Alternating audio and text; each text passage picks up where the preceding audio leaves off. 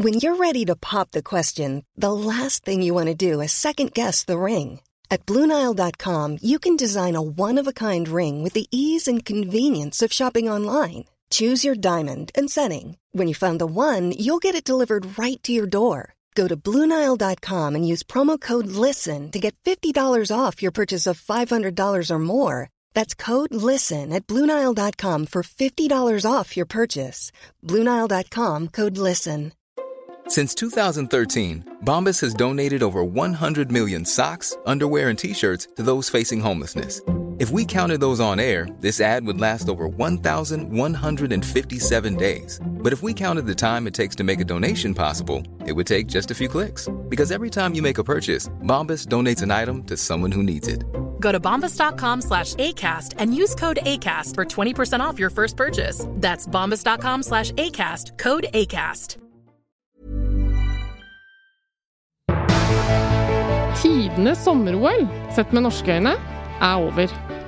Publikumsrekord ble det jo ikke akkurat i Tokyo, men eh, publikum her hjemme var i fyr og flamme. Både over de utrolige prestasjonene, men også over TV-sendinger som uteble. Besto mediehuset Discovery og TV Norge testen? Og hvorfor skriver mediene alder i parentes på intervjuobjekter når det ikke er relevant? Og har kongelige samme rett til tilsvar som andre?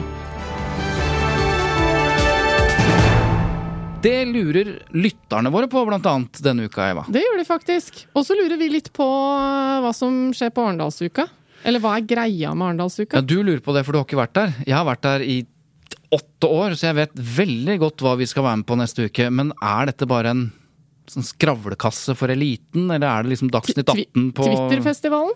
Ja, noen kaller det det. Ja, eller jeg gjør i hvert fall det, for jeg føler at alle de som er på Twitter, de er i Arendalsuka. Ja, altså er det litt flere som er der, men spørsmålet er er dette den store demokratiarenaen som uh, arrangørene skal ha det til? For hvem er det som egentlig følger med på disse debattene? Er det vanlige folk, eller er det bare oss og våre like, da?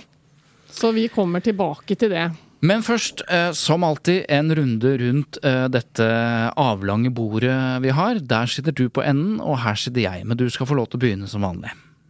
Ja, altså Hva har du irritert deg over, eller hva har gledet deg med norske medier det siste tida? Jeg stussa litt, i hvert fall, over at Fremskrittspartiets leder Sylvi Listhaug hun sier til journalisten at hun er veldig kritisk til at faktisk.no, som da er eh, et, man kan si en redaksjon som faktasjekker det andre redaksjoner formidler. Ja, altså Faktisk.no er jo i utgangspunktet oppstått fordi det er flere mediehus som gikk sammen og tenkte at det er så mye fake news, det er så mye påstander. Så det er fint at vi samarbeider, alle seriøse redaktørstyrte medier, om en eh, redaksjon som skal faktasjekke. Dermed fikk man faktisk.no, som har vokst og blitt til 15-20 journalister. Og det gjelder også artikler i sosiale medier, bare Men, så det er ja. Og Sylvi Listhaug mener at det Hva mener hun? Hun mener at uh, La meg finne et sitat her.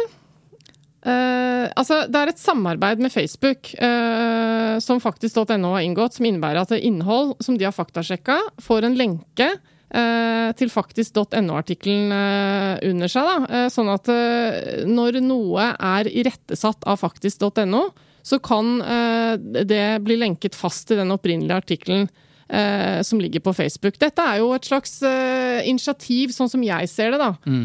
for å prøve å imøtekomme dette problemet med fake news. Ja, for da får du en slags merknad at den er faktasjekket, og, og, her er det fakta eller ikke fakta. Dette er sant, ikke sant. Ja. Men øh, også er det påstander sier Sylvi vi, på, øh, vi påpeker en svært uheldig maktkonstellasjon og håper flere vil innse hvor farlig det kan være når en liten elitegruppe systematisk jobber for å få monopol på definisjonsmakten i samfunnsdebatten. Dette sier hun til journalisten.no. Ja, jeg ser at det er en trussel mot ytringsfriheten.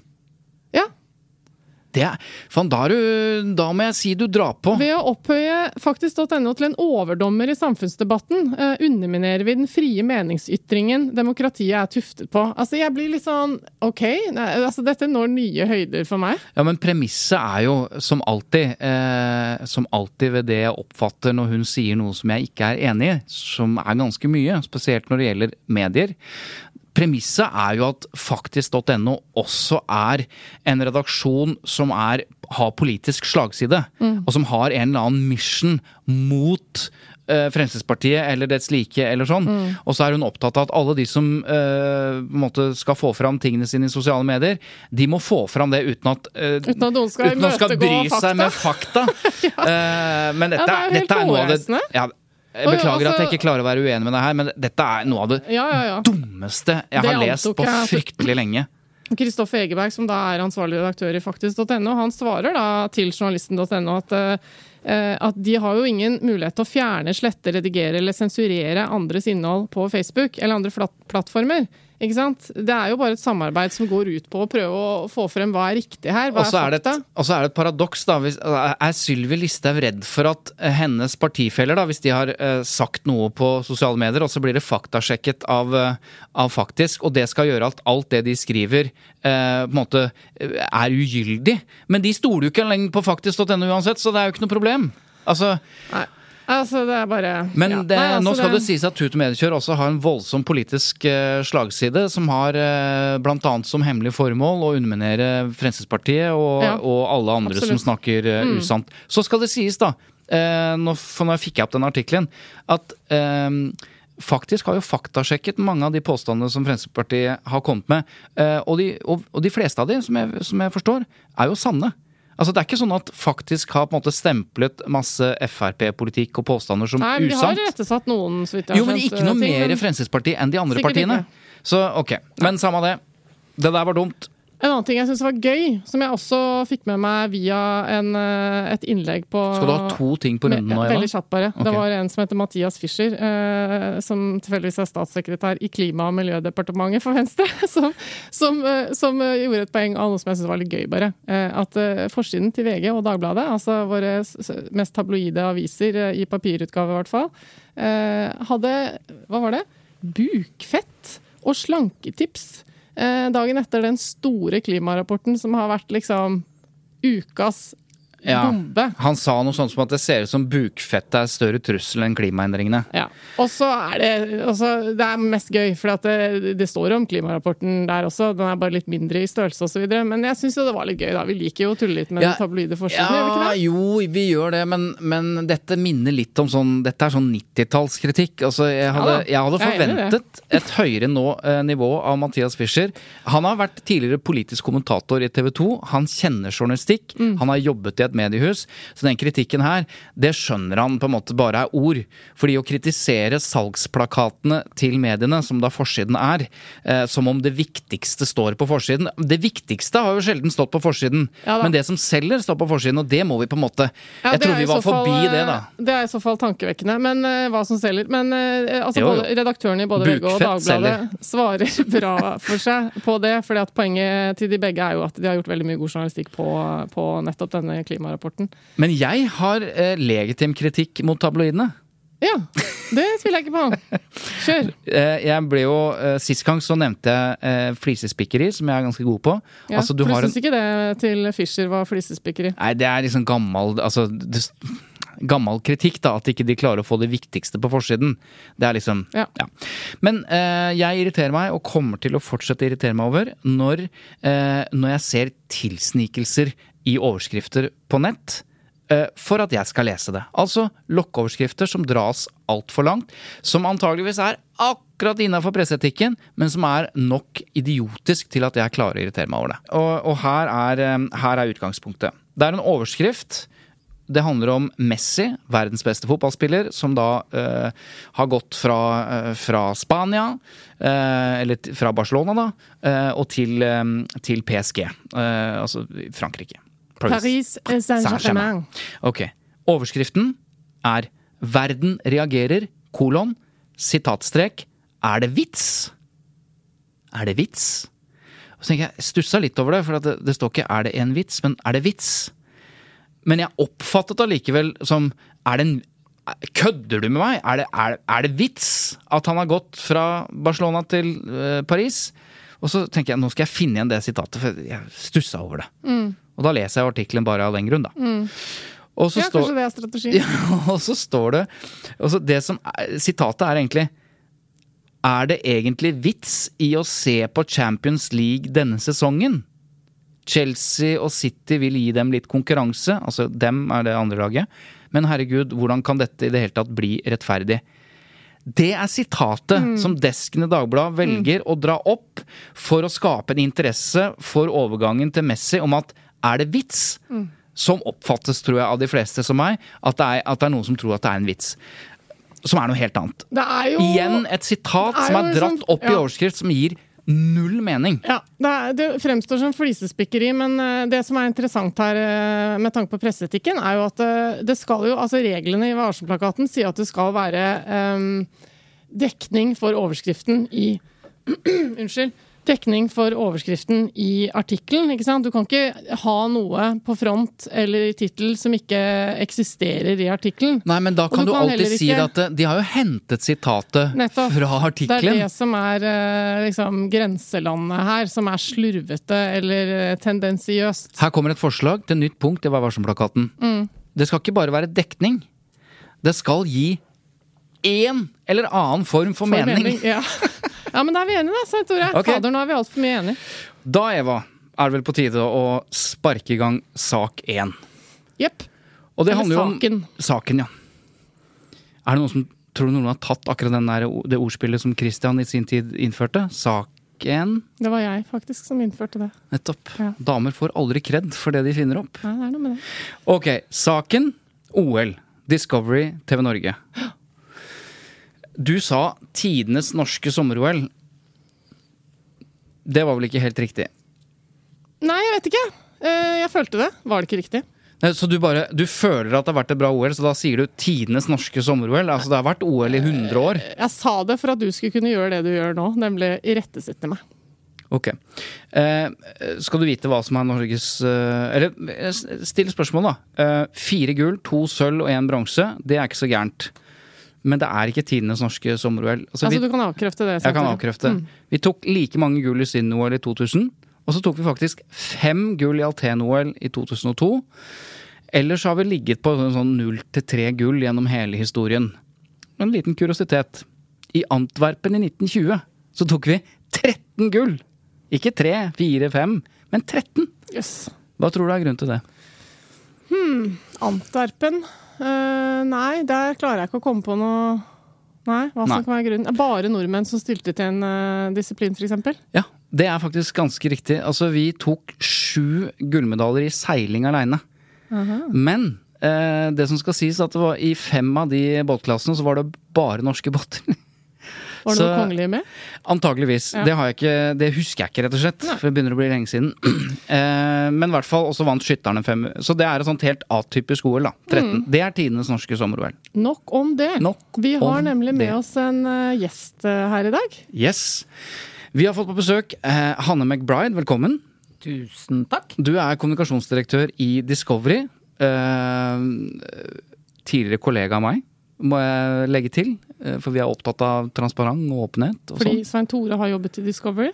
Kan jeg legge Svein? Tore ansatte meg i Discovery. Ja. På, på et eller annet grunnlag. Men det var veldig hyggelig. Så her er det jeg, jeg som kommer til å stille de kritiske spørsmålene i, denne runden her. Du vet at Når man jobber med sånne ting som jeg gjør, så er det ganske viktig å ha noe på folk. Fordi Ja. det gjør at uh, altså alt du ser på TV om spin doctors, it's all true. Ja. Sånn at eh, jeg tror også at for at dynamikken her skal bli riktig, Eva, så er det du som skal stille de harde spørsmålene. Så bra. Kan jeg stille jeg andre typer spørsmål, da? Ja, Kosespørsmål. Okay. Neida, jeg bare tuller. Jeg har selvfølgelig ingenting på Svein Tore.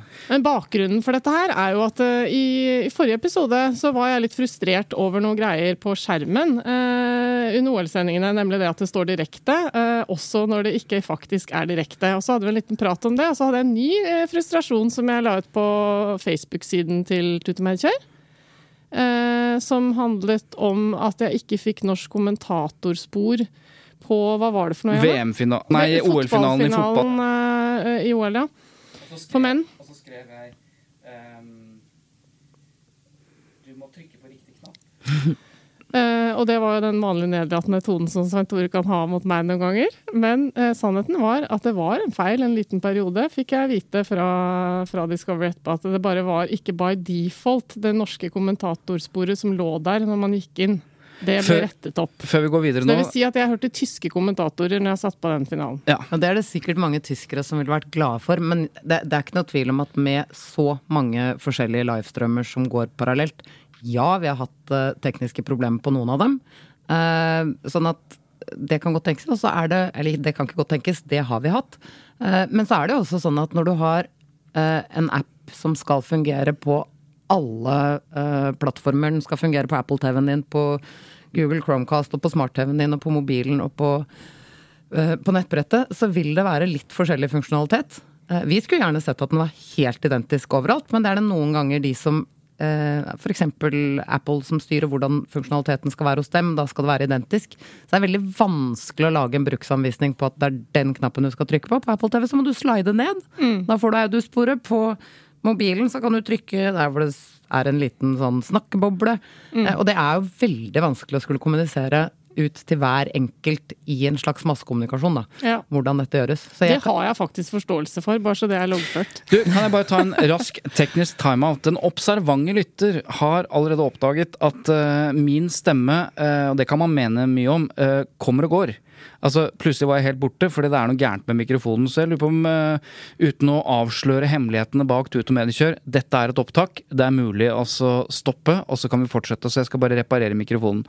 Lytterne vil heldigvis ikke merke noe, for vi kan klippe vekk den pausen. Men det er det som kommer til å skje nå. Ja.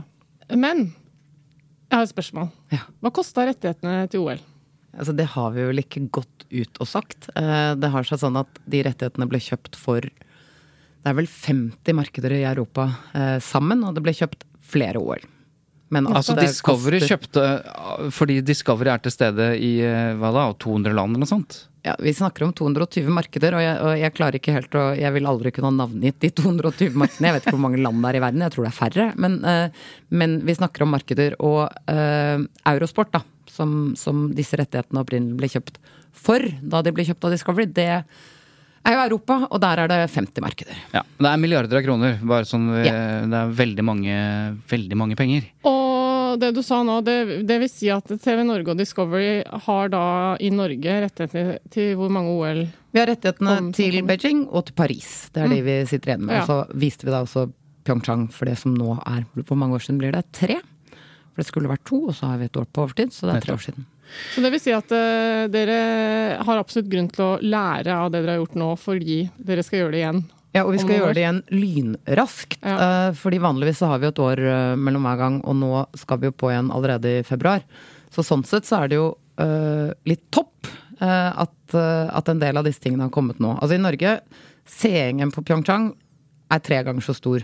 Altså på et vinter-OL så er en norsk seing tre ganger høyere enn på et sommer-OL. Og så er vi jo litt, eh, altså ikke litt, men veldig eh, preget av at disse øvelsene skjer på natt.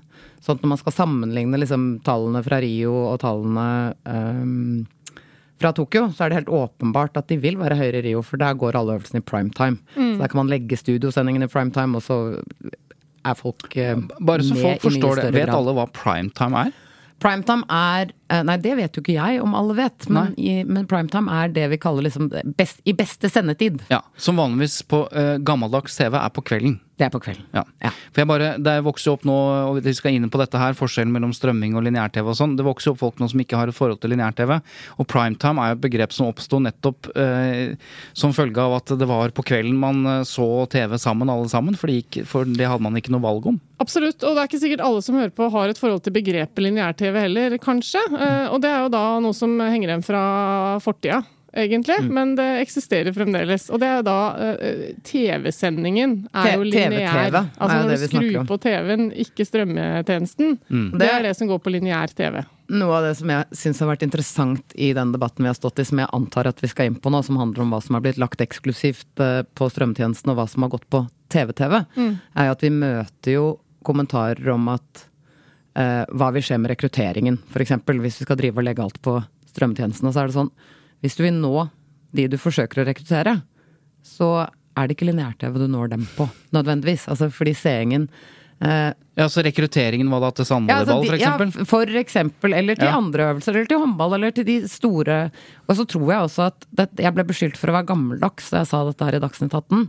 Men den ideen om Det er jo mange som ønsker seg tilbake til NRK og eh, enevelde og én kanal, der hvor du er helt eh, Det er avgjørende at en redaktør eller et redaktørkollegium skal velge hva som er interessant for det norske folk.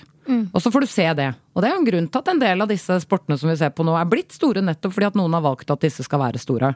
Og Altså man bygget opp om det. Men hvis du har vært mer interessert i eh, litt mindre idretter, da, eh, og dem er det jo mange av, så har du ikke fått se dem på TV i det hele tatt. Det er sånn, litt sånn klassisk opplevelse. Av og til så har du fått gjøre det, fordi da har det ikke vært noe annet i sendeskjemaet akkurat da. Så da har du sett litt hestesport eller litt uh, leirdueskyting eller litt uh, sånne ting, for det er det man har fylt sendeskjemaet med. Mens nå så kan du faktisk se absolutt alt. Og du kan se det med tysk kommentator og med engelsk kommentator. Eller f.eks. uten kommentator, fordi det er noen øvelser hvor du trenger å ha musikken til, og altså at du får en helt annen opplevelse av det. Og så velger man rett og slett bort. Men du får da det vi på mitt uh, TV-språk nå, fordi jeg jobber i en internasjonal uh, gruppe, kaller ambient sound. Altså lyden fra arenaen, den får du, men uten kommentator. Ja, nettopp. Og nå må jeg legge til at dette var ikke innholdsmarkedsføring. Vi er ikke betalt av Discovery for den talen der. Men du, la, ja. Det er litt det jeg har betalt for, da. Ja. Mm.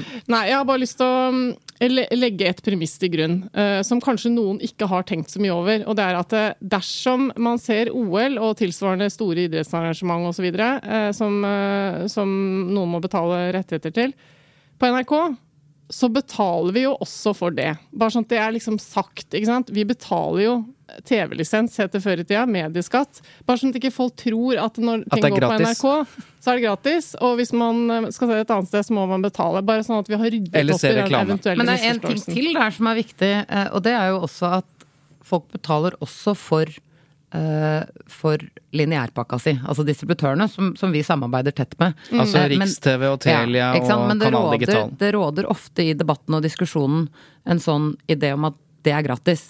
Eh, og, og at strømmetjenester er noe du må betale ekstra for. Men sannheten er jo faktisk at du betaler fryktelig mye mindre. Eh, Jeg tror at hvis du hadde samlet alle strømmetjenestene som du trenger for å ja, Ha det gøy. ikke sant? Så betaler du fortsatt eh, kanskje mindre enn hvis du har en lineærtjeneste. Men dette skal jo ikke jeg sitte og si, fordi vi er veldig avhengig av og veldig glad i, eh, og distributørene er veldig glad i oss. Altså det, det, er jo et, eh, det er jo et samarbeid som er helt nødvendig. Nettopp fordi ikke alle vil strømme. Sånn at, Ja, for eh, distributørene, Dette er et rotete marked for en vanlig TV-seer, kanskje. Distributørene er jo disse som man da har Kjøper TV-pakke av. Ja, hvis man de gjør det. De leverer kanskje internettet ditt hjemme også, og Ja. du bor kanskje i et, eh, i et eh, borettslag, og da har du den distributøren som borettslaget har valgt. Og der er det lite valgfrihet, må sies, i enkelte boligområder. Jeg syns jo distributørene er Jeg har hatt to forskjellige, tre forskjellige faktisk, fordi jeg måtte innom satellitt en liten periode. Og jeg syns jo at de leverer et innmari godt tilbud. Eh, bare så det er sagt. Jo, men jeg altså, mener valgfrihet i hvilken aktør du kan bruke. Ja, det er veldig mange boligområder hvor du ikke har noe mulighet til å velge. Du må ta den som fins. Nok om det, la oss Ja. ikke prate rundt grøten Ja, lenger. For nei. det er en kjempekritikk dere har fått, og det er følgende. Dere har vært helt åpne på at eh, OL er en ypperlig anledning til å presentere strømmetjenesten deres, Discovery Pluss. Eller noen vil si at dere kynisk bruker OL for å selge flere abonnement, gi folk gratis tilgang som de da blir kjent med produktet, osv. Og, og det har dere vært, eh, vil jeg si, eh, åpne på. At dette er en anledning for flere til å bli kjent med produktet som dere omtaler. Men så har dere altså valgt f.eks. Eh, å ta vekk eh, skal vi si ganske attraktive eh, sendinger og lagt de eksklusivt på strømmetjeneste, sånn at de må registrere seg. De ser det ikke på TV Norge. Den kritikken dere har fått der, eh, hvorfor har dere ikke bare lagt det på lineært i tillegg, liksom? Mm, Men svaret på det ligger jo litt i det du sier. Nettopp fordi at vi har valgt eh, å løfte frem Discover Pluss og mulighetene som ligger i den tjenesten. Eh, og da har man valgt seg noen av de attraktive øvelsene sett med norske øyne. Nettopp for å få folk inn på tjenesten. At de det- må inn på tjenesten for å se det. For, ja, for å se. Og det er, det er et aktivt valg, og, det, og, og du kan kalle det kynisk og du kan kalle det arrogant, men det er litt sånn som eh, Eva var inne på også. Eh, eh, disse rettighetene koster penger. Eh, vi er en kommersiell aktør. Vi er også en kommersiell aktør som er et Vi er ikke sånn som da du jobbet i TV Norge, så var vi eid av utenlandske eiere, og så pumpet man alt overskuddet dit. Nå er det ikke lenger sånn at vi bare er eid av utenlandske eiere. Vi er et globalt medieselskap. Og så har vi eh, sendinger eh, og kanaler i Norge. Okay. Eh, sånn at, og det er en vesensforskjell. Men det eierskapet der, og det selskapet vi er en del av, gjør jo også at vi har masse muligheter. Eh, for eksempel eh, når vi nå Vi snakket om alle de markedene vi kan være i. Altså, det kan gå opptil 40 ulike strømmer samtidig. Eller mer enn 40 ulike øvelser samtidig som skal strømmes. Og det, den tekniske kompetansen som vi sitter på nettopp fordi vi er en del av dette selskapet, den er jo betydelig. Eh, og det vi kan få til eh, fordi vi er en del av dette selskapet, er jo også betydelig. Jo, jo, Da skulle jeg ønske at dere kunne brukt noen av den eh, tekniske kompetansen til å gjøre brukergrensesnittet i, i appen litt bedre, men det kan vi komme tilbake til. men det var også litt sånn som jeg var inne på, at den appen det, er- det er noe, noe i det Selvfølgelig tar vi til oss det, men det er også en del ting der som styres av app-leverandørene, altså de som Ja. tilbyr appene. Sånn at vi, vi skulle gjerne ønske, som jeg sa i stad, at vi kunne lage et brukergrensesnitt som så helt likt ut, uavhengig av hvilken eh, plattform eller hvilken device du så det på. Men det har ikke vi anledning til. jeg, jeg syns det er um, Jeg vil bare si det, synes det er prisverdig at man er åpne på at man, eh, om man bruker ordet kynisk eller bruker, at det er en forretningsmessig eh, beslutning å sørge for at flere blir kjent med det produktet som dere tross alt skal leve av i årene som kommer. Fine. Et lite spørsmål til. Jeg registrerte i hvert fall at det var mye kok i kommentarfeltet fordi dere først visstnok hadde sagt at alle medaljeøvelser eh, som, hvor vi hadde muligheten til å ta medalje, de skulle uansett vises på lineær-TV. Sympatisk. I- Ikke sant? Men så gjorde dere om på det. Det er Det- helt riktig. Vi, vi endret strategi underveis. Ja. Og det kan jo jeg, i min rolle, som er å kommunisere til folket, kan jo si at det er jo ikke enkelt når man endrer en strategi underveis. Nei. Vi gikk ut og sa én ting, og så så vi at nei, dette det er ikke sånn det blir. Eh, og hadde det vært opp til meg eh, Jeg forfekter jo at ja, men vi har sagt dette. Og så har man en diskusjon, og så veier man forskjellige eh, Man vekter rett og slett forskjellige ting opp mot hverandre, og så lander man på dette her. Okay, så Skjønner. den diskusjonen tapte du. Nei, altså eh, igjen, jeg, jeg skal ikke si at ja, men jeg ville ikke på død og liv at vi skal gjøre dette, for vi jobber i samme selskap og vi Ja. har samme mål. Eh, men, men mine innspill var at vi, vi har gått og sagt en ting, og det må vi da gå tilbake på. Og da må vi være tydelige når vi går tilbake på det. At nå går vi Altså, vi, vi må klare å informere seerne sånn Hva om at du de som må det. kommunikasjonsrådgiver sagt da? Nei, jeg mener at Rent omdømmemessig så er det en liten nøtt å knekke når du lover at dette skal komme på TV, og så kommer det ikke på TV. Så, men, Men jeg regner med at det er en beslutning bak der som på en måte er større. Men det større. tror er svaret da til neste gang, det er jo bare Altså, vi skal jo inn og evaluere, vi har allerede begynt. Så, så den lille ferien mange av oss håpet vi skulle få etter liksom 21 dager med natt og dag eh. Og det er jo nettopp det at vi må prøve eh, å klare å være forutsigbare og tydelige i forkant. Eh, og se på hvordan vi løser det. Eh, og, og for det tror jeg at vi, vi, vi skal jo vi har jo ikke noe ønske om å gjøre ting vanskelig for folk. Vi vil jo at flest mulig skal kunne ta del i alle øvelsene. Men når det er sagt, så tror vi at fremtida er at flest mulig tar del i disse øvelsene på eh, en rekke plattformer. mm. Ikke bare på Og det er en og nettopp samme. det. Fordi at, uh, vi har jo fått eh, hjelp med noen tall uh, fra Hans Petter Nygaard Hansen bl.a., som uh, poengterte dette i denne tråden på vår Facebook-side. Svein Tore. At det er jo faktisk sånn at det er flere i Norge som har tilgang til internett enn eh, som har TV-TV. tilgang til lineær TV, altså en TV-pakke gjennom veggen. Da. Og, Ja. eh, og det er litt viktig også å, å få frem en ting som tok litt tid før jeg skjønte. Og det var at når dere ba folk om å gå inn og se disse omstridte Sandvollballkampene eh, på strømtjenesten, så betyr ikke det nødvendigvis at man må kjøpe abonnement. Det betyr at dere vil at kunden skal registrere seg, er det riktig? Ja, altså OL er gratis for nye brukere under OL. Det har kanskje Men- forsvunnet litt for noen, men- tror jeg. Altså, jeg har sagt det i alle sammenhenger jeg har vært i, men det er jo også eh, når jeg sitter i en mediepodkast, så er det jo noen som ikke har eh, samme ønske som meg om å få dette frem, men de, saken er bedre hvis det er jo vanskeligere det er, desto bedre er det. Da har du en kritisk sak, og så har du nærhet, og så har du alle de nyhetskriteriene eh, etterfulgt. Så det er jo en, en av de tingene som har vært vanskelig også å fortsette å kommunisere på. Men det har vært gratis for nye brukere. Eh, og ja, du må tegne et kundeforhold. Og dette prøvde jeg også å forklare til Anniken Huitfeldt, som ikke skjønte det. At du har også et kundeforhold. Som er politiker for Arbeiderpartiet, som er kritisk til at ikke dette var tilgjengelig for alle. Ja, At hun skjønner heller ikke at man faktisk har et kundeforhold til sin lineær-TV-tilbyder. Nei, det er, det er jo ikke jeg vil si. Det er bare TV-TV. Ja, det er bare TV-TV. At, at det er ikke noe annerledes å tegne et digitalt abonnement enn å tegne et lineært uh, abonnement hva, hva eh, forpliktelser angår, og hva du må Ja, oppgi av detaljer. Sånn at, sånn at den kritikken også er det ganske uh, den avfeies lett med fakta, tenker jeg da. Ja, ja, ja, men, men, men vi kommer ikke unna Jeg skal, jeg skal ikke sitte her og liksom si at det er mange som ikke har brukt det før. Og at det, det for dem oppleves som vanskelig og som kronglete. Ja. Men så, så kommer du heller ikke unna at folk har kunnet sitte på seilbåten sin med 4G. Og kunnet følge med på, på Sandvollballkampen midt på natta. Og det, eh, det er ikke alltid så lett. Eh, eh, Med TV-TV. Nei. Nei, men nå har jo TV-TV, og det skal også sies at distributørene har jo veldig mange gode løsninger for Nå må du slutte å skryte av disse distributørene dine. Fordi at uh, de klarer det fint selv. Hva skulle du si, Eva? Jo, jeg skulle si at uh, vi må også huske på at den samme, det samme ønsket har jo NRK TV. Altså strømmetjenesten til NRK ønsker jo egentlig også at vi skal registrere oss som personlige brukere. De er ikke like på den ballen og maser om det, kanskje, fordi de har et annet eh, allmennkringkasteroppdrag osv., så, videre, så de pusher ikke så mye på.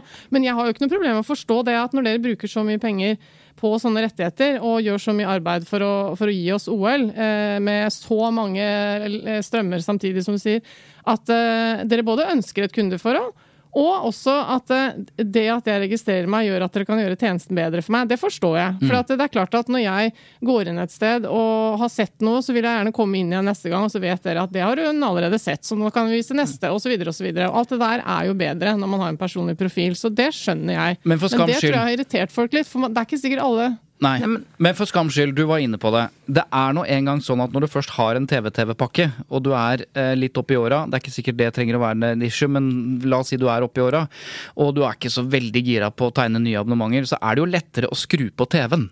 Enn å, enn å registrere seg og strømme. Så at jeg er helt enig i det, og jeg skrev det til jeg spørs kanskje litt hvor oppi åra du er, hvor lett det er Jo, jo, men. Men jeg, jeg tror, og nå blir jeg litt usympatisk, for jeg tror at det er en del i denne debatten som har, har dytta sin syke mor litt sånn foran seg fordi de har hatt lyst til å være oppbrakte. Eh, og det, og det, er, det er en litt sånn fæl ting å si. Ja, min mor er 73 år. Jeg brukte, fordi jeg hadde allerede gitt henne Netflix, og nå brukte jeg fem minutter på hjelpen. Og så skjønner jeg at det er ikke alle som kan hjelpe Det er ikke alle som kan hjelpes, fordi de har ikke noen som kan hjelpes.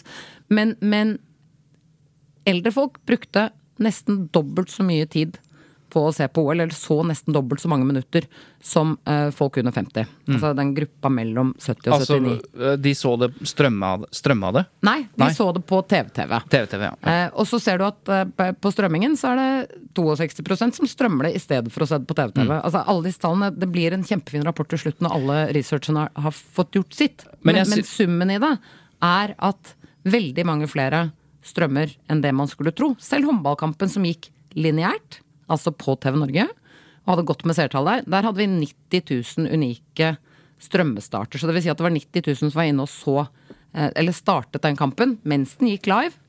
Eh, samtidig som over 300 000 så den på TV-TV. Ja. Sånn at uh, Men igjen, nå har jeg ikke alle tall nå. Det er Nei, nei. ikke, det er, er Og så må vi rydde opp i en ja. ting til, og det er at uh, vi sier TV-TV. Men uh, vi var jo enige om her om dagen at vi begge har TV-TV, men vi bruker strømmetjenesten til å se det på TV-TV. Så for det er lett å Det har også vært litt sånn forvirring i denne debatten med at folk snakker om denne strømmetjenesten som at det er de som ser på PC og mobil. Og jeg- jeg men jeg litt- har jo bare appen på min TV hjemme, så jeg ser det jo på internett, og ikke sånn. Jeg, jeg eh, blir litt uh, Igjen, jeg skal forsøke å ikke være usympatisk, men Esten Sæther skriver en lang kommentar. Esten Sæther er sportskommentator i Dagbladet. eh, om at dette er hemmende for rekruttering, litt sånn som jeg var inne på før. Eh, og så har han åpenbart en oppfatning av at strømmetjenester må du se på PC-en din. Eh, da tenker jeg at eh, da bør man da, Noen som redigerte, eller som så på den før den burde ha prikket ham på skulderen og sagt at dette faller litt på sin egen urimelighet. Både fordi du må faktisk ikke sitte og se det på PC-en din, du kan se det på TV-en din. du kan se- Verdens største flatskjerm. Ikke sant? Og eh, at de menneskene man ønsker å rekruttere, de ser i større grad på eh, strømmetjenester enn de ser på lineær-TV. Ja. Sånn altså eh, det siste der, eh, jeg vet ikke om jeg har fått fram det godt nok. Altså si at du må vise sandvolleyball på lineær-TV for at eh, noen skal få lyst til å begynne med sandvolleyball. Altså, du er jo ikke 68 år når du rekrutteres til sandvolleyball. Du er jo da 12, og Men da på- ser du ikke på TV-TV. Da ser du på strømming. På mobilen din! Men poenget han skal få, Da tror jeg vi er har fått fram at, det ganske, for det er noe av det mest tåpelige jeg noensinne har hørt. Nå kan jeg være usympatisk, da. Ja, men fordi- du sa noe av det mest tåpelige. Det syns jeg er å dra det altfor langt. Jeg har hørt forferdelig mye som er veldig mye tåpeligere. Men kan jeg foreslå eh, alt dette her som trenger en pedagogisk gjennomgang og forklaring for ganske mange? Eh, kanskje det er en idé, da, siden dere skal nå evaluere og sånn, å, å lage en eh, kommunikasjonsplan, en kampanje, hvor dere liksom går gjennom dette steg for steg, sånn at folk før neste store idrettsarrangement eh, skjønner det litt bedre? At dere Jeg skal, tar på nå skal dere fortelle noe som er hemmelig, og det er at uh, ca. tre-fire dager ut i OL vi, vi lagde jo en kjempe Det kan jeg si, fordi jeg har ikke laget den, men vi hadde en veldig fin brandkampanje for OL, syns jeg. Dette med at vi, Altså vi, er et, merkevare, ja, ja. vi er et lite land, men vi har sånn, sånn og sånn, og det innfridde jo i stor grad. Men da det hadde gått et par-tre dager, og eh, vi så liksom incoming på kundeservice at her er det Det er, det er, det er større Litt sånn som deg, da. Litt, litt sånn småplukk på hva man ikke har skjønt. I tillegg til litt småplukk som vi hadde teknisk. Så Jeg da satte jeg i gang en, en promokampanje og sa at nå har den brandkampanjen, den har levd lenge nok. Eh, Nå er det litt slitasje på den. Kjempe, den er, og jeg var veldig redd for ikke å tråkke noen på tærne da jeg sa det, for det var en veldig fin kampanje. Mm. Men kan vi være så snille nå, skynde oss å lage en slik ser du, Ja. eh, ser du OL på altså rett, rett, Så vi lagde rett og slett en promo som er bruksanvisningen, men den var jo ikke sånn. Og så lagde vi saker på eurosport.no som vi linket til i alle kundeservicevarene, som Mm. var sånn Og det var med piler. Altså sånn Trykk her. Trykk her. Når du har kommet dit, så trykker du der. Eh, og det, det burde, jeg burde jo ikke innrømme dette, fordi vi burde ha hatt det på forhånd. Men vi hadde det ikke på forhånd. Nei. Men vi snudde oss rundt og laget det. Ja. Eh, og det er jo det jeg elsker med å jobbe der hvor jeg jobber, fordi folk er så rå. Eh, Ok, men uh, tilbake til da, da lov si. Men så svaret er ja. Jeg skal definitivt ta med meg inn i uh, både evalueringen og i planleggingen en forutsigbarhet for seerne. Eh, og da kan jeg røpe alle, allerede nå at eh, jeg tror du bør ha Discovery Pluss eh, når vinter-OL begynner. ja. Eh, det, det, det, altså, og, vi har ikke tatt noen avgjørelser, men jeg kan forskuttere at det tror jeg du bør ha. Eh, og så må vi være tydelige på hvordan vi forteller, forteller folk eh, hvordan de får det, og hva som skal til. Eh, og hva det innebærer. Jeg skal avslutte dette sånn halvveis kritiske intervjuet og si at eh, hadde det ikke vært for Discovery Pluss og min mobiltelefon, så hadde jeg fått sett en tiendedel av det jeg har fått sett under OL. Jeg har ligget i hemmelighet, fordi jeg kan ikke avsløre at jeg ikke sover. Under dyna og sett eh, klatring. Jeg har sett Altså, det er jo selvfølgelig en helt annen verden å kunne se alt du vil, når du vil, osv. Men eh, det er nå meg. Har du sett mye klatring på lineær-TV under OL tidligere år? veldig lite eh, av klatring eh, tidligere. Og så har jeg sett alt av det nye skateboard osv. Men nok om det. Nok om det. Eh, vi, Hva har dere lært? Hva Forutsigbarhet. Mm. eh, og uh, vi har vi har jo lært mye teknisk også. Eh, fordi eh, folk har jobbet mye hardere enn de kanskje hadde trengt å gjøre, fordi det har vært en del ting som ikke eh, har spilt som det skulle. Men jeg tror igjen, altså, overordnet så tror jeg opplevelsen har vært grei. Eh, men, men ty tydelig, eh, forutsigbar kommunikasjon som også skal være troverdig. Det har jeg lært, i hvert fall. Og så har vi nok lært fryktelig mye mer på huset generelt. vi kan, fortelle.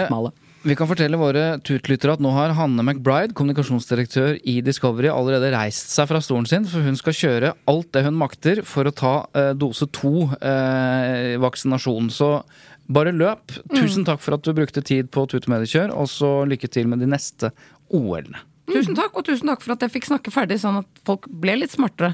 Eller ikke folk ble litt smartere, men at jeg faktisk fikk si det som folk trenger å vite. Det er viktig. Takk. Bare Bra. Det er en sånn type podkast vi er! Er det ikke det, hva? Og så syns jeg det var så gøy når du, når, når McBride, som nå er på vei ut her, hun begynte å skulle skryte av sin egen arbeidsplass. La merke til det? Ja, Da det la kom- merke til, ja. ja. fordi som kommunikasjonsrådgiver så er vi jo både vant til å fortelle folk at det er viktig at du sier, men da oppdager vi det veldig fort Ja. når andre bruker de samme virkemidlene. Så da er vi ah, Ok, nok om det. Men uh, ha det, ha det, McBride. Vi, er, uh, vi skal vel over til sak eh, to, Ja, da. jeg, har- jeg har lyst til å bare si en ting om det vi akkurat har snakka om. Og det er Ja. at inntil noen gode kommentarer kommer på trykk som sier det motsatte, så kan jeg avsløre at jeg syns det er helt fint jeg, at ikke OL går på NRK. Og grunnen til det er at jeg vil at NRK skal bruke skattepengene våre på annet innhold enn OL-rettigheter. Så er det sagt. Ja, og vi kan legge til overprisede eh, sportsrettigheter som Ja. sådan. Det gjelder jo det samme med fotballrettigheter, som NRK er lenge siden det har hatt noe av. Rett og slett fordi Tor Gjermund Eriksen og de andre har skjønt at dette har vi ikke budsjetter til. Altså Hadde vi kjøpt de rettighetene, så måtte vi lagt ned deler av virksomheten vår. Og det går jo ikke. Nei, for det er blitt så har- dyrt. Det men- har jo vært samarbeid mellom NRK Ja. og TV 2, hvor de har hatt litt hver og sånn. Det har Ja vært masse fint med det, men jeg bare tenker sånn så dyrt som det er, ja. Men, men jeg har til en viss grad eh, forståelse for de som klager over at dette ikke er på NRK. For det handler om eh, Feelingen. Ja, det handler Ja. om det er emosjoner. Ja. Blant annet fordi vi har knyttet oss tett på kjente og kjære sportsprofiler, Absolutt. Og det rakk vi ikke å snakke med han om, for det er jo litt av greia. Og de har gjort en god innsats, eh, mange av de kommentatorene som ikke jeg har hørt på før. Og blant annet så vil jeg trekke fram eh, reportere på indre bane på friidretten f.eks., som har gjort det kjempebra. Mm. Men, men det er klart at når, du er van, eller når vi er glad i det vi har sett mest av, så er det jo veldig mange som liksom vil ha det. da. Så er det sånn ja, det er bare NRK som kan gjøre det. Det er ikke det, vet du. Men følelser. Ja. Sånn er det. Nok om OL. Um, jeg vet at du har hørt på podkast i det siste, Eva. Og du kom inn, altså på kontoret her, og var eitrende forbanna. Ja, altså, fordi altså, etikk og moral, det er jo to ord som går litt sånn hånd i hånd. Eh, etikk snakker jo vi mye om, men så er det det som er moral, som jeg føler at det, noen ganger så kan det slå inn en sånn tante Sofie hos meg. Det vet jeg. Å ja, du vet det. Eh, Som er sånn eh, Ja, men er dette anstendig, på en måte? Er dette Eh, riktig? Ja. Uh, og, og det gjorde det da jeg siste, hørte på siste Det er to episoder i en serie da, av en podkast som heter Avhørt.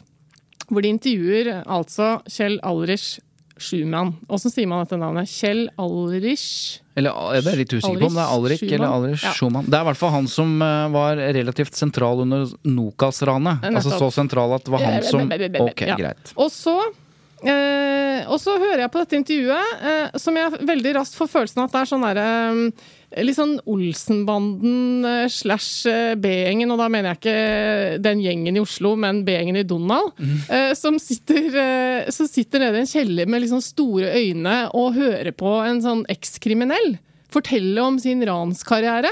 Veldig ukritisk, opplever jeg at stemningen er. Ok, Hva spør de om, da? Nei, det er liksom sånn Ja, du har jo vokst opp sånn og sånn, og hvordan var oppveksten? Bitte litt om det. Som jeg tenkte ok, nå kommer det sånn, nå skal de prøve å forklare hva som kan gjøre et menneske så kriminell. Mm. Men så følte jeg det uteble litt, og så var det liksom Ja, og så satte du i gang med det første ranet. Altså, nå er det mulig jeg gjengir det litt sånn Ja, hvordan gjorde gjorde du det, liksom? Men, Ja. og, så, ja, og så forteller han litt om planlegging, og så ja, og så ble jeg jo, det ble jeg jo ikke tatt for, da, men så rana jeg sånn, og, og så er det liksom ja, hvorfor rana du, eh, på en måte, var vel spørsmålet. Og så var det litt sånn, ja, for at jeg hadde akkurat starta en forretning, og jeg trengte kapital, så vi måtte finne penger. Liksom. Ja. Ja, liksom, jeg følte at alt ble veldig normalisert, da. Og så måtte jeg sånn Ok, nå er jeg litt tante Sofie, er jeg ikke det? Eller er jeg det? Altså, jeg jeg syns det var ubehagelig, da. Og så etter hvert så fortsetter dette her, så kom han jo inn eh, mot uh, Nokas-ranet i episode to. Og da syns jeg fortsatt at det var såpass ukritisk fra intervjuperspektivet at jeg måtte faktisk gå inn og google husker jeg feil, eller var det ikke han som faktisk skøyt den politimannen som endte opp med å dø? Altså Ja, Klungland. Klungland, ja. Ja, nettopp. Det er jo mennesker i Klunglands familie som fortsatt sitter der ute, potensielt kan høre på dette. Og da tenkte jeg på vegne av dem at det, det ble så bag bagatellisert. Han får sitte og forklare at det var jo ikke egentlig meningen. Og jeg syns at det var veldig sånn lite Men er det, er det tema eh, du reagerer på? Er det det at det er en dømt, eh, en straffedømt som får lov til å prate, eller er det mangel på kritiske spørsmål? Eh, Det er absolutt mangel på kritiske spørsmål, eh, men så tenker jeg at eh, ok, eh, det å intervjue en, en dømt person som har sonet ferdig, det er i utgangspunktet helt eh, åpen for og positiv til. Altså Alle mennesker skal jo i utgangspunktet kunne begynne et nytt liv eh, når de er ferdig sonet for noe. Ja, men du kan jo intervjue dem mens de soner òg. Altså, det er vel ikke noe sånn at de må ha sonet ferdig før de kan Nei delta i en eller annen Men prinsippet om at når du har sonet din dom, så Ja, er du på en ja, måte på nullpunktet, da. Eh, men, eh, men så tenker jeg at det er kanskje noe annet som slår inn når det, når det er et drap inne i bildet, kanskje.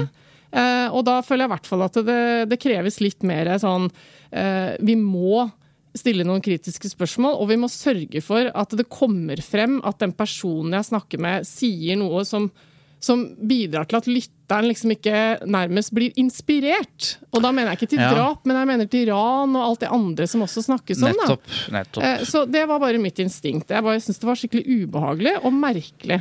Men dette her rører jo ved, eh, for så vidt hos meg, en, en annen Eller en, en større diskusjon, da. Hvem er det som fortjener oppmerksomhet, og hvordan behandler vi folk som ikke er eh, de vanlige intervjuobjektene, men som er kontroversielle, da, på et eller annet vis. For alle som har gjort ulovlige ting, eller ting vi ikke vil at barna våre skal gjøre, eller, eller har en eller annen form for bakgrunn, kan jo ved bare eh, de facto prate inspirere folk til Ja. Altså, så jeg tenker at eh, ofte så møter vi jo Eller da jeg jobbet i pressen, så møtte jeg eh, liksom vennene mine som ikke var journalister. De mente veldig mye om hvem jeg skulle intervjue og ikke. Litt på samme moralske bakgrunn. Og der var jeg veldig, og det er jeg vel fortsatt, at jeg mener jo i utgangspunktet at journalister skal snakke med alle. Absolutt alle. Men det fordrer jo selvfølgelig at du må ha en eh, Du må ikke bare stille kritiske spørsmål, for det er jeg også litt lei av å høre. Ja det kan Altså, jeg være du må stille kritiske spørsmål. Bare for å gjøre det. Ja, men det, det handler jo om å skape en, et intervju og en samtale hvor intervjuobjektet faktisk reflekterer rundt det man har gjort, da. Ja. Ikke, og det er der jeg opplever Absolutt. at du kanskje reagerer der også. At det ja, ble liksom det ikke syns jeg det var om noe så for lite av det. Eh, Ja. ikke sant? Stemningen, etterlatt inntrykk. Eh, det er to episoder, så hvis det er noe som sies i episode to, så syns ikke jeg det holder. Hvis jeg tenker på min sønn som snart er ung voksen, la oss si at han eh, fant denne podkasten og ble fast lytter av den, så er det jo noe med Hvis han tilfeldigvis hadde vært litt sånn potensielt eh, Mm. på skråplanet, sitter og hører på dette, så bør i hvert fall ikke en sånn podkast liksom, gi masse ideer og inspirasjon, og til og med kanskje føle at det, ran høres ut som en uh, lett vei til penger når jeg skal altså, Men- men det er jo- det var litt sånn Men det er jo forskjell på en, pod, en, en nisjepodkast som Avhørt er, Ja. uh, og det at dette intervjuet La oss si du plukker dette kjeller, eh, kjellerintervjuet, da, og så plasserer det på radio. ja. Altså noe du ikke aktivt annet enn skrur på. Altså Det kommer komme på P4 f.eks. Ja. Eller på NRK eller TV 2 mm. osv. Dette er jo Vi har jo kritisert eh, andre podkaster før eh, med litt moralske briller. Vi har f.eks. kritisert Tusvik og Tønne. Ja. Fordi vi mener at enkeltting som blir sagt her, er helt rur, riv ruskende galskap. Og så er forsvaret fra Tusvik og Tønne at de som hører på oss, eller i hvert fall de som forstår denne podkasten, du må sette dette i en ramme. Og hvis man skal eh, måtte, forsøke å være enig i det, da, så er jo dette litt av det samme. Dette er jo en podkast som intervjuer veldig mange kriminelle som kommer til orde og sier og forteller historien sin, som du kanskje ikke får høre andre Ja. steder.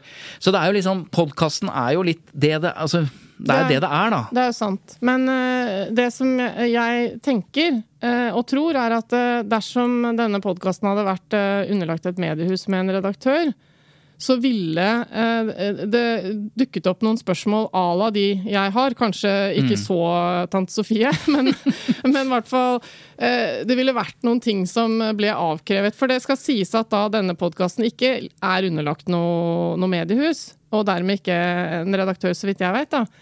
Um, så, så det gjør at jeg, jeg føler at ja, det er jo riktig det du sier, men er det så enkelt, da? Bare fordi at det ikke er underlagt pressen, så skal det Nei, liksom bare være lov å gjøre men- hva som helst? Men vi vet jo også at denne uh, Vi kjenner jo Avhørt-podkasten, Eva, uh, Ja. fra før. Fordi de baler med noen av de samme utfordringene som vi gjør. Vi er heller ikke underlagt noen redaktørplakat eller hva var som plakat. Um, men de, som oss, øh, gjør det de kan. øh, Når de vurderer både intervjuvekter og presseetikk, for å nettopp følge de samme presseetiske reglene. Det vet vi. Og vi vet det også fordi at tidlig i Avhørts historie Ja. så ble vi spurt av Avhørt-gjengen om vi kunne gjøre en presseetisk vurdering av noe som var kjempevanskelig. Trenger ikke gå inn i den saken. Nei, vi har Eh, fortalt om det før. Ja, vi har fortalt om det før, men jeg tenker at det er Ja. greit å si det nå ja, også, i all absolutt. åpenhet. Men, Ja. men eh, nei, men jeg, jeg skjønner eh, innvendingene dine. Ja, for jeg mistenker da, og nå, det vet vi jo ikke om stemmer, men jeg mistenker at det blir veldig lett når man får tak i et intervjuobjekt som kanskje eh, mange andre i pressen har hatt lyst til å intervjue også, kanskje. Eh, Og når den personen da stiller, så, så, må, så lover man litt sånn ukritisk stemning. Mm. Fordi, eh, ikke sant, hvis jeg får en henvendelse om et portrettintervju, så har jeg den frihet til å stille noen krav. Og så, hvis jeg stiller helt urimelige krav da, så vil Mm. jo de fleste redaksjoner si Høre hva du sier, men da kan vi nesten ikke gjennomføre det intervjuet. Mens her føler jeg kanskje at de sa vi hører hva du sier, da blir det sånn. Men eh, til slutt så kan vi nevne at eh, altså, eh, denne Schumann har blitt intervjuet før. Han Ja. har faktisk blitt intervjuet på Scoop-konferansen eh, Ja. i Tønsberg foran alle journalistene. Nå gikk ikke det intervjuet så veldig bra heller, det er en annen sak. Men Og så gikk jo ikke det ut til allmennheten, da, kan Nei, sies. men det som har gått ut til allmennheten, som jeg syns var veldig bra, det var jo eh, Dokument 2, var det vel. Eh, Tonje Steinsland som jo gjorde det første store intervjuet med, det- med David Toska. Eh, og så kan man sikkert si at det skulle vært flere kritiske spørsmål der, men der klarte de i hvert fall nettopp å få eh, til en refleksjon eh, rundt både livet og hva det hadde ført til, og eh, de som hadde var ofre for, for hans gjerninger osv. Så, videre. så eh, ja. Er, man kan gjøre dette på en ganske ok måte, da. Um, jeg har lyst til bare et malapropos før vi går videre til Arendalsuka. Ja. Og det er at eh, det er jo sånn at selv om jeg mener at eh, alle i prinsippet skal kunne bli intervjuet, eller omvendt, pressen skal kunne snakke med hvem de vil, så mener jeg samtidig at det er ikke noe menneskerett å komme eh, i podkast eller på radio eller på TV. Og da jeg jobbet i omtalte Discovery, eh, så ble vi eh, av og til kritisert for at, vi, at det kom kriminelle i reality-program. Hva slags regler skal du ha for at kriminelle skal dukke opp i underholdningssammenheng? Ja. Og da, og da er det vanskelig. For det første så er det, ikke noe sånn vi, kan vi får ikke innsikt som TV-kanal inn i sånn eh, Hva heter det? Um, i strafferegisteret og vi, eh, noe sånn, men, men vi, snakker, vi snakker med de. Da, men da gjorde vi en vurdering som var følgende, hvis jeg ikke husker helt feil. De deltakerne som har begått alvorlig voldskriminalitet, altså hvor det har vært åpenbare ofre, voldskrim, altså drap og vold og overgrep og sexovergrep og alt mulig sånn, de var vi ikke spesielt interessert i skulle opptre som, eh, som på TV på kvelden. Men det var ikke all kriminalitet. Jeg mener, Hvis du hadde snytt på skatten, så var ikke det nødvendigvis diskvalifiserende. Nei, det er fordi det er ikke noe en, eh, Jo, men det er i hvert fall mulig å trekke en skille mellom hvis det fins ofre for kriminaliteten som vil sitte i sofaen og tenke 'fy faen, dette var ubehagelig'. ja, konkrete personer. Ja, det er i hvert fall det er i hvert fall én mulig grensedragning og en tommelfingerregel. Mm. Og det samme gjelder når du skal snakke med da, Schumann. Så bør du ha det i mente. At det sitter noen og hører på dette som kan være ofre for nettopp det. Since 2013, Bombas has donated over 100 million socks, underwear, and t shirts to those facing homelessness. If we counted those on air, this ad would last over 1,157 days. But if we counted the time it takes to make a donation possible, it would take just a few clicks. Because every time you make a purchase, Bombas donates an item to someone who needs it. Go to bombas.com slash ACAST and use code ACAST for 20% off your first purchase. That's bombas.com slash ACAST, code ACAST. I'm Sandra, and I'm just the professional your small business was looking for. But you didn't hire me because you didn't use LinkedIn jobs. LinkedIn has professionals you can't find anywhere else, including those who aren't actively looking for a new job but might be open to the perfect role, like me. In a given month, over 70% of LinkedIn users don't visit other leading job sites. So if you're not looking on LinkedIn, you'll miss out on great candidates like Sandra. Start hiring professionals like a professional. Post your free job on linkedin.com/people today. Jeg tror det kanskje er han. Ja. Skal vi ta det, eller? Ta det. Hei, Stein Morten. Ok. Um, Stein Morten, um, hovedkritikken fra Eva går på at dette Og det er var dette de sier. eh, Så da kan jeg si Hva sier du til den kritikken, Stein Morten? Nei, Jeg er jo for det første ganske uenig i det. Fordi eh, det som er vært formålet med vår podkast hele tiden, og som vi faktisk har fått litt eh, skryt av av Norges fremste avhørsekspert Asbjørn Rachlew, er at eh, vi møter folk med respekt. Vi dømmer ingen. Vi eh, inviterer dem inn for at de skal få lov å fortelle sin historie. Og så er det alltid sånn at eh, det er mange versjoner av en historie. Politiet og offentligheten har hatt sin versjon av eh, hvordan dette ranet foregikk og hva som skjedde. Og den historien har jo fått lov å dominere nå i 17 år. Så fakta er at ingen av ranerne i Nokas lot seg avhøre. De forklarte seg ikke i retten. De har ikke sagt et ord etterpå. Schumann er faktisk den første av ranerne som forteller om dette sett fra sitt perspektiv. Og så kan du godt si at han kanskje eh, forteller historien på en måte som gjør at det er mer fordelaktig for ham. Men jeg tenker at han er en mann som har sona straffen sin. Han har gjort opp for seg. Og han må få lov å fortelle den historien eh, slik som han oppfattet det.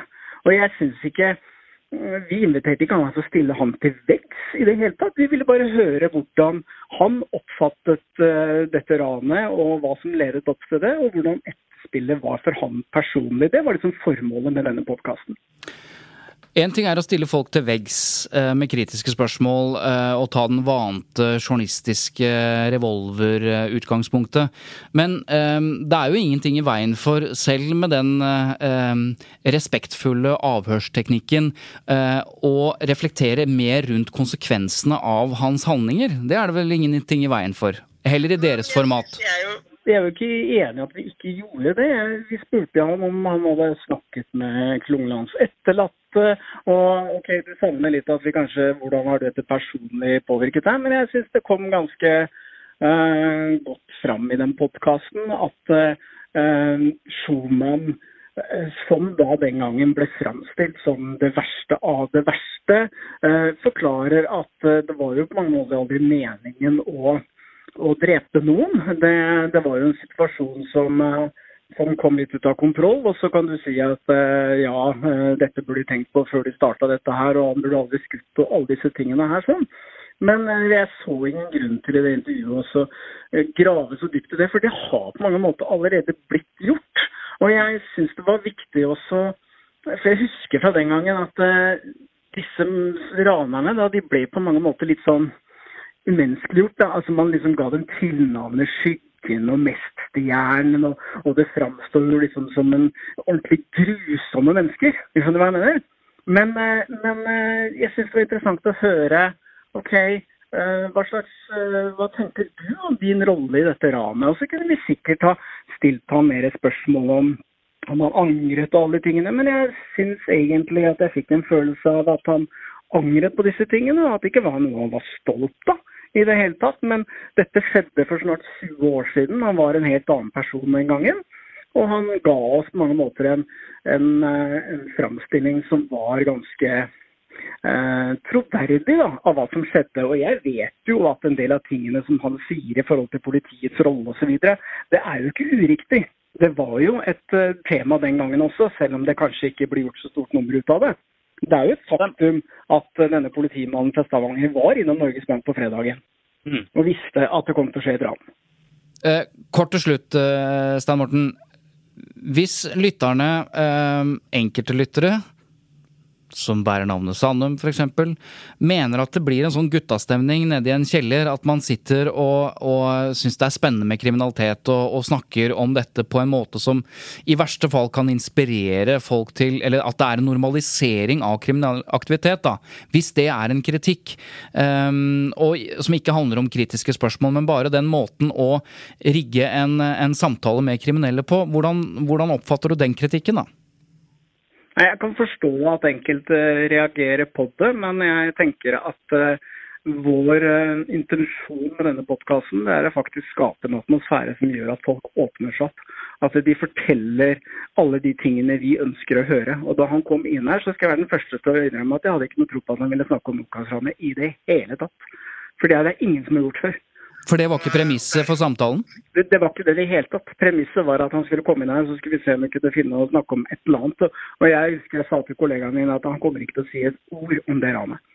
Mm. Derfor så følte jeg at vi på mange måter lyktes eh, med å skape en stemning, og så kan godt kritisere at det blir for hyggelig. Men det er den stemningen som gjør at folk faktisk eh, åpner seg opp. Og for å sitere Asbjørn Rachlew en gang til, det er akkurat det som må til for at folk skal fortelle uh, de tingene de forteller. Hvis ikke, så skjer ikke det.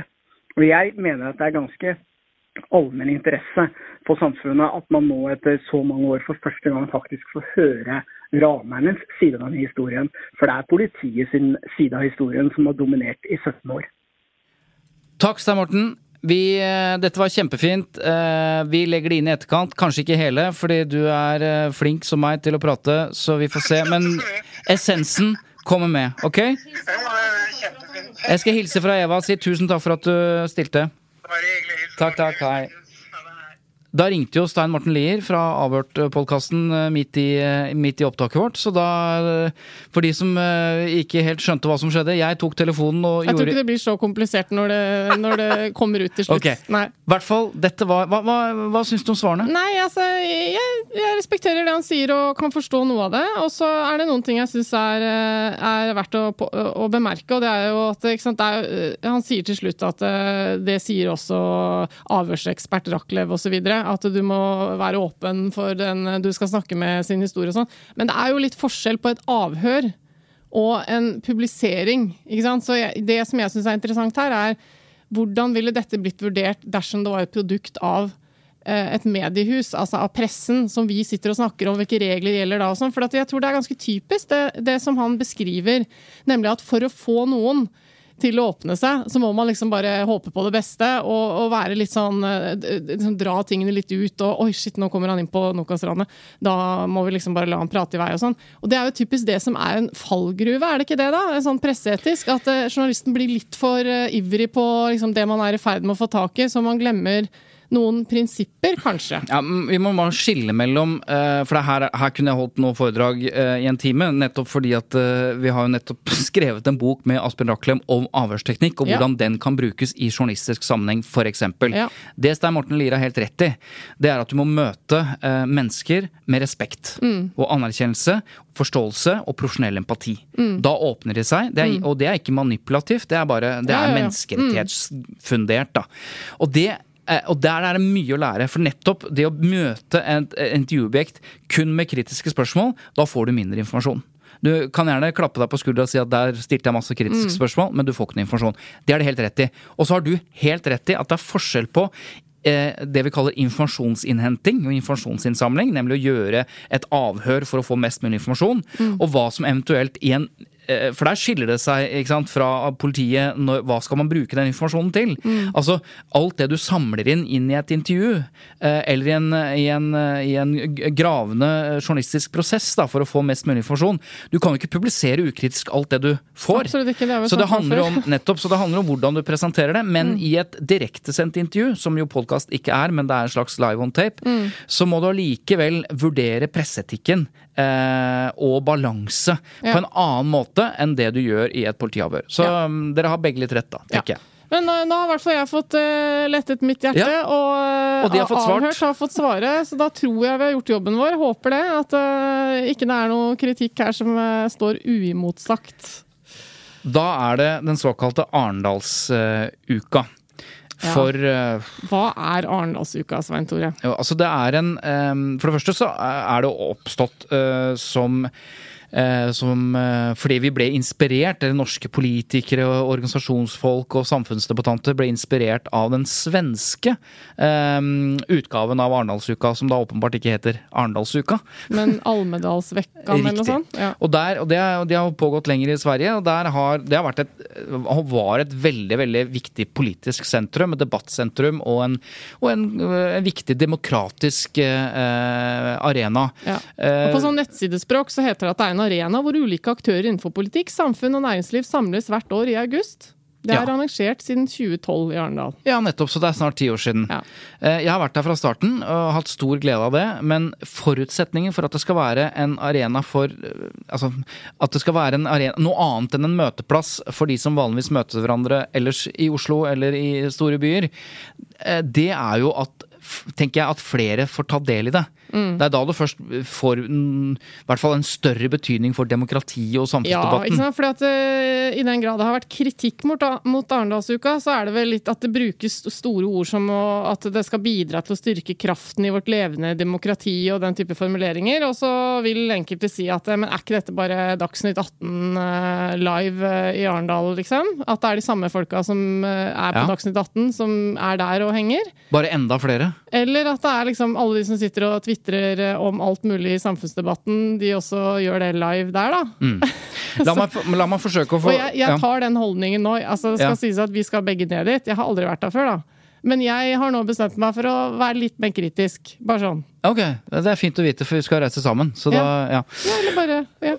Ok, la meg prøve å forklare for de som ikke har vært der, hva dette her er for noe. Eh, uten å være sånn superkritisk. Altså, her reiser uh, norske politikere, organisasjonsfolk, eh, kommunale og statlige virksomheter, private aktører eh, og veldig mange journalister og kommunikasjonsfolk ned. Ikke minst. Ikke ja. minst.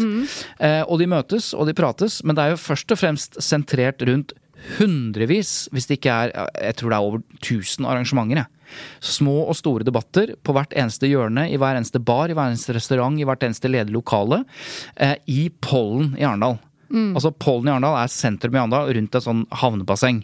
Og det er ekstremt lite og tett, eh, og det betyr at eh, du går jo på eh, veldig mange mennesker du bare har sett på TV og hørt på radio og, og sånn, og du kan si hei og prate, og du får en nærhet mellom alle disse skal vi si, aktørene i norsk samfunnsliv som møter hverandre. Og, det er, og det kan være kjempespennende debatter, og det er helt topp å være der. Det er som en sånn leirskole for voksne. Ja da, jeg har vært på festivaler, jeg òg, så Ja, jeg vet nettopp. hvor koselig det kan Ja, være. det er som reklamefolk kan antageligvis, da, bare ikke så Ja, eh, spesielt. Absolutt. Og filmfolk når det er filmfestival. Og det- og alle, alle bransjer har jo sin festival, kan du si. Eller Ja. de fleste, i hvert fall. Og det er alkohol.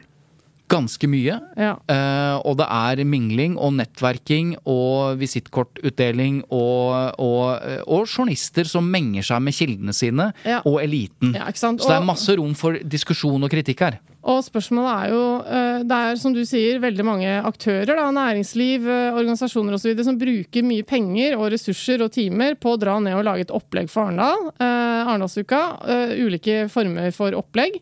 Og så kan man jo stille seg spørsmålet er det opplegget veldig kostbart.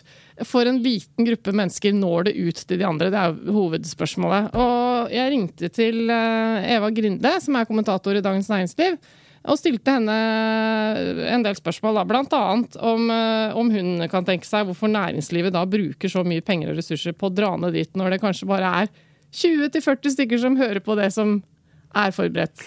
Ja, altså 2040, det er vel ofte litt flere. eh, Men eh, skjønner hva du mener, disse digitale tider hvor man kan nå ut til veldig mange flere. Dette handler jo om å møte hverandre ansikt til ansikt og, og rett og slett få snakket med en del av de folkene man bare kanskje har eh, mailet eller telefonert eller eh, hørt på radioen.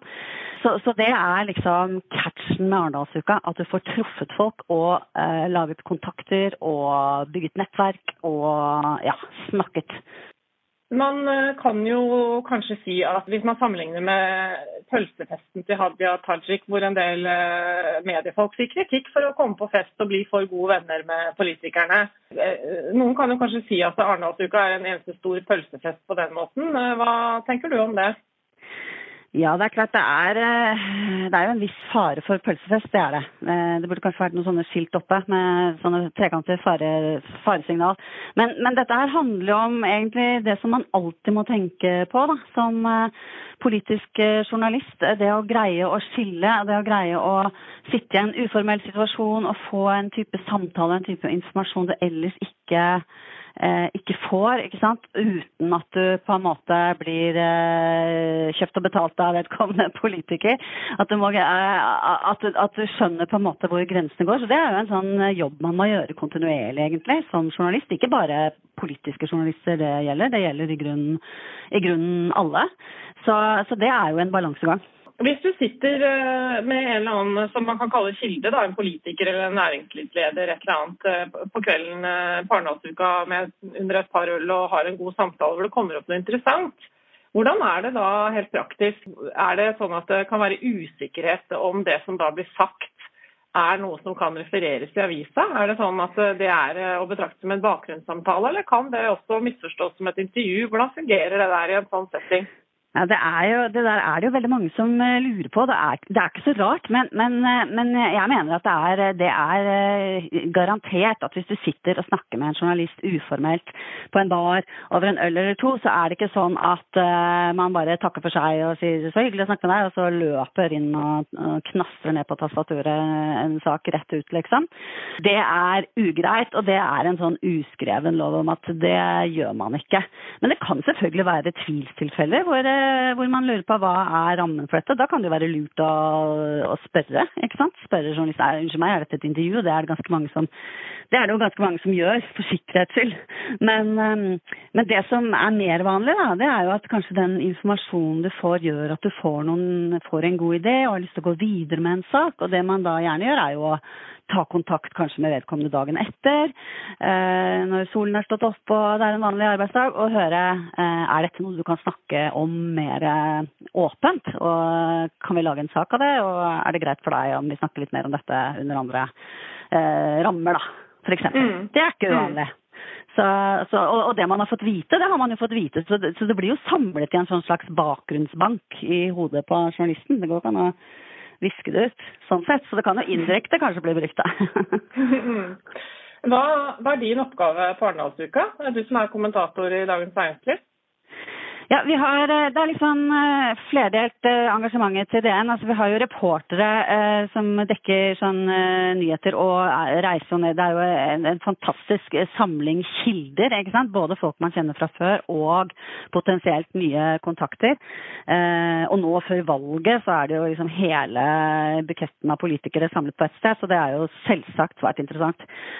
og så har vi kommentator Vi som er kommentatorer, har også Eh, redaksjonelle eh, happenings i DN-teltet, som, eh, som jo har, som har, arrangementer fra morgen til kveld tre dager på rad. Både kommersielle og redaksjonelle. Men, og det er jo de redaksjonelle jeg er med på, da. Så, men det er i sånn forspill, på vorspiel-tid, sånn rundt uh, sekstiden, uh, der våre politiske reportere har samla gjester til sånn uformell prat, da.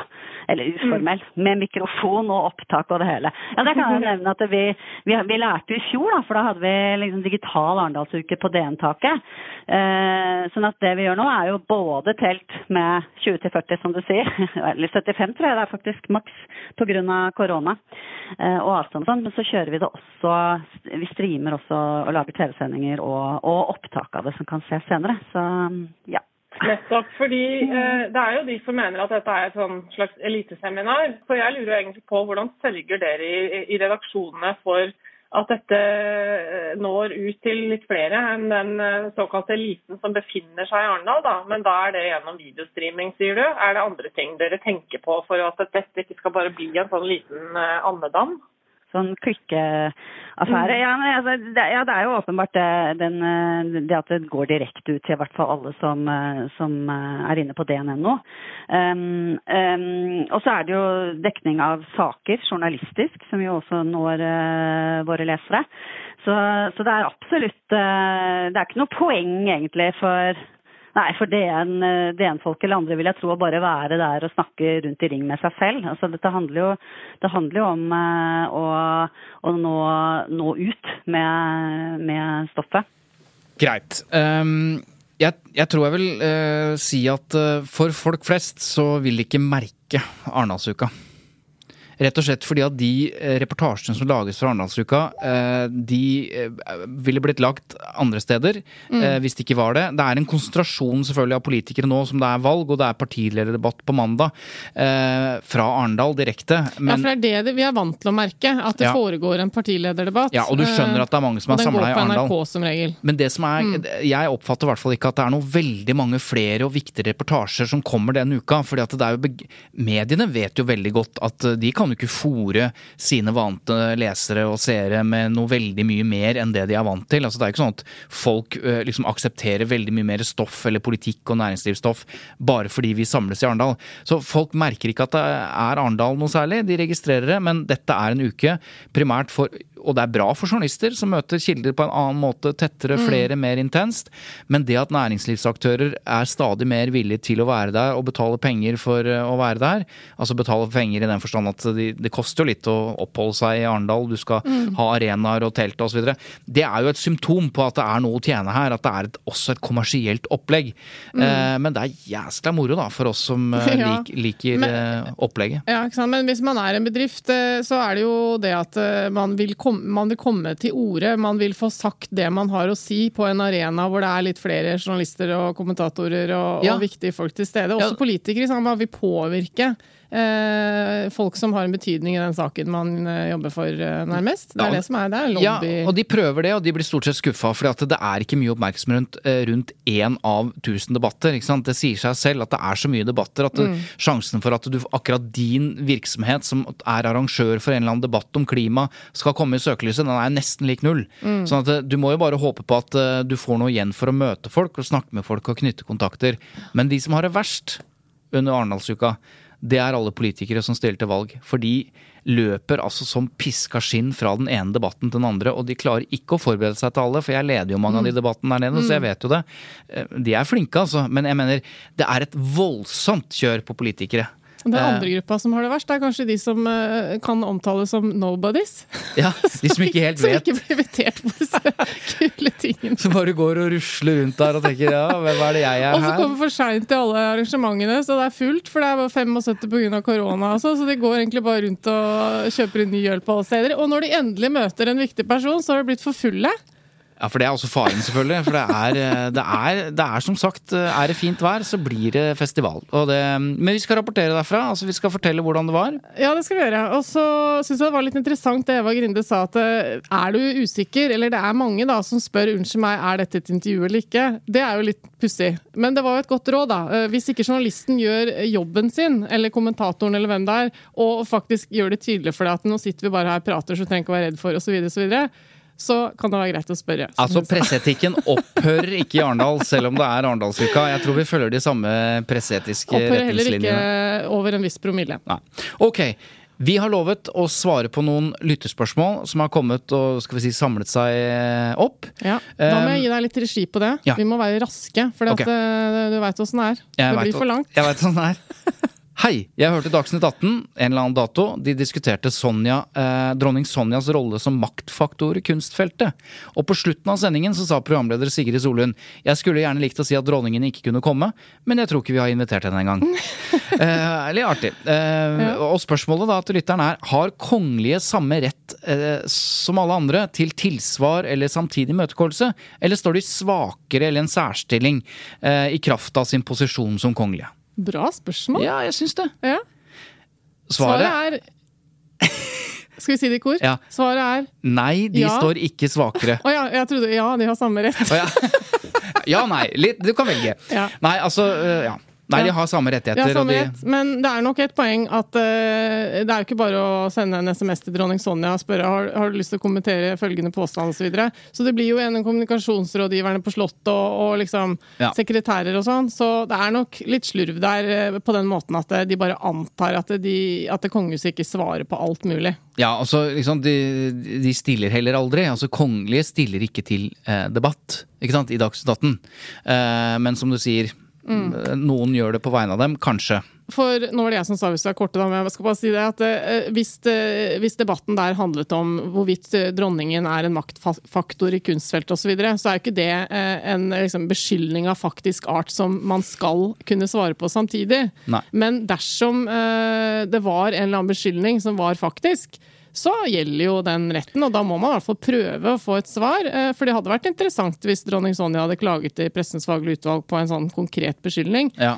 Som hun ikke hadde Så hadde jo det Altså, den hadde blitt behandlet på vanlig måte. Jeg kan si nesten ikke se for meg noen situasjon hvor, uh, hvor, beskyld, hvor det kommer beskyldninger mot kongefamiliens medlemmer som utløser samtidig imøtegåelse. Men det kan komme kritikk mot kongehuset som utløser tilsvar, som jo da kommunikasjonssjefen på Slottet vil få anledning til de fleste tilfeller Ja. å svare på. Jeg kan komme på sånne eksempler, ja, altså, men eh, det kan vi ta en annen gang. Ok. Ja. Kanskje mot kronprinsessa, blant annet. Ja, ok. Men eh, nytt spørsmål. Takk for god pod. Eh, jeg har lenge irritert meg over at enkelte aviser benevner personer med alder, selv når det ikke er relevant. For en tid tilbake hadde en av tabloidene en politisk reportasje hvor alder på samtlige stortingsrepresentanter og statsråder som uttalte seg, var satt bak navn i parentes. Dette var en helt vanlig politisk sak, og ingenting i saken skulle fordre at alder var særlig interessant. Spørsmålet er hvorfor er alder på de som uttaler seg interessant for mediene, og hvorfor i all verden er det relevant for oss som leser? Det. Nok et godt spørsmål. ja, virkelig. praksis er vel sånn Det er jo ikke vanlige politiske reportasjer at det står parentesnavn, men kanskje i feature-reportasjer og større jeg har tenkt på det noen ganger at hvorfor står det alder her, i parentes bak et navn, som også kan være ganske sånn ordinære kilder eh, i saker og sånn. Jeg opplever det oftere i ukeblader. For hvis Ja, du leser kanskje. liksom sånn uh, Jane Fonda, parentes 102, eller hvor gammel hun har blitt nå, det har hun ikke, Ja, men 78 nei. eller hva. Jo, altså, det er jo en opplysning som jeg ofte tenker sånn Ja, så ung er hun, eller Det så setter ting litt i kontekst, ja. Men noen Ja. ganger så kan det kanskje virke litt sånn uh, ubetydelig. Men det som er litt interessant, er uh, hva hadde skjedd hvis det, jeg hadde blitt oppringt av en journalist som ville spørre meg om et eller annet. Eh, og jeg sa sånn helt ut av det blå at det er veldig fint når du gjengir dette i saken din, at du ikke skriver alderen min. For at jeg har egentlig litt lyst til å fremstå yngre enn en jeg faktisk er. Eller aktivt om de hadde det. respektert det, da. Hva tror det, du? ja, det tror jeg faktisk. Fordi, At de hadde respektert? Ja, for det er jo, jeg mener at i vanlige reportasjer så er det jo oftere Det er jo sjeldnere at alder står i parentes. Eh, Men, men jeg tror på spørsmålet er det relevant. Nei, men selv om informasjonen ikke er direkte relevant, så kan jo mer informasjon gi et bredere bilde, da. Eller sagt på en annen måte, altså ødelegger informasjon om alder det eh, den andre som kom, altså det som kommer fram i saken. Så i for, Det tror jeg sjelden det gjør kan være irriterende, eller man kan lure på hvorfor det er relevant. Men istedenfor å spørre om det på død og liv er relevant, så kan man spørre er det saken uvedkommende. Ja. Det- kanskje kanskje ja. det er noen i en eller annen redaksjonsledelse som bare har bestemt seg for at nå skal vi skrive alder på, på alle vi skriver om i et år, sånn at vi får laget en statistikk på gjennomsnittsalderen på intervjuobjektene våre. Ok, vi har flere lyttespørsmål, men, eh, og vi har annet et spørsmål om eh, hva som ble sagt i podkaster som blir plutselig hovedoppslag eh, i aviser. Ja, det, det- har vi jo sett mange eksempler Ja, på. det tror jeg mange opplever som litt ubehagelig. Ja, Men hva er Og noen presseetikken ganger er det helt greit. Ja, vi, vi tar det neste uke. Ja, vi gjør det. Ok. Da har vi eh, heklet oss gjennom en, enda en skal vi si, en voksen episode av Tut og mediekjør. Vi var en gang på 40 minutters episoder, Eva, men Ja, det, det er vi ikke lenger. Nei, nei. Sånn er det blitt. Ok, eh, det er på tide å takke for seg. Ja. Vil du takke for deg? Tusen takk for meg, eh, og takk til deg, eh, Svein Tore Bergestuen. Takk til Lyder Produksjoner, som har produsert denne podkasten. Mm. Takk til Fritt Ord, som gir oss litt eh, moralsk støtte og litt penger også. Og som du hørte, vi besvarer lyttespørsmål innimellom, så fortsett med det. Send inn til tut eh, at lydeproduksjoner.no. Mm eller på Eller på Facebook-siden. Facebook-siden vår, Ja. som du også kan like og dele og herje og holde på. Og der tar vi også mot tips. Vi har fått en god del eh, tips som vi har glede av. Vi, Ja, vet du hva? Dere lytterne har blitt veldig flinke og aktive til å kommunisere med oss på Facebook. Det syns vi er veldig bra. Og, Tusen og takk. Messenger, da, skal sies. Det er to forskjellige apper, da. Da er det takk, takk. Takk for nå. God uke hvor enn i uka du befinner deg. Eh, vi høres igjen om Ja, Ses i Arendal, da, eller? ja vi ses i Arendal. Ja, ja, nå sier jeg til lytterne, da. Oh, ja, ok. Ja. Men de kommer ikke dit, vet du. bare plinge på, da, så skal vi si hei, vi. Ja, særlig. Ok, ha det. Ha det.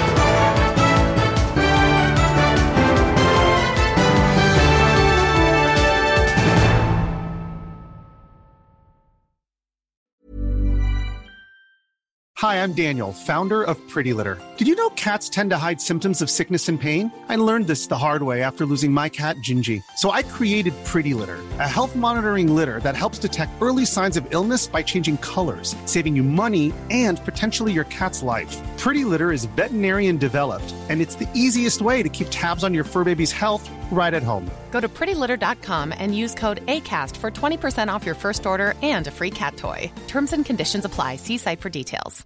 When you make decisions for your company, you look for the no brainers. And if you have a lot of mailing to do, stamps.com is the ultimate no brainer. It streamlines your processes to make your business more efficient, which makes you less busy. Mail checks, invoices, legal documents, and everything you need to keep your business running with stamps.com. Seamlessly connect with every major marketplace and shopping cart. Schedule package pickups and see your cheapest and fastest shipping options from different carriers with rates up to 89% off USPS and UPS rates. And with the stamps.com mobile app, you can take care of mailing and shipping wherever you are. Make the same no-brainer decision as over 1 million other businesses with stamps.com. Sign up with code program for a 4-week trial plus free postage and a free digital scale. No long-term commitments or contracts. That's stamps.com. Code program.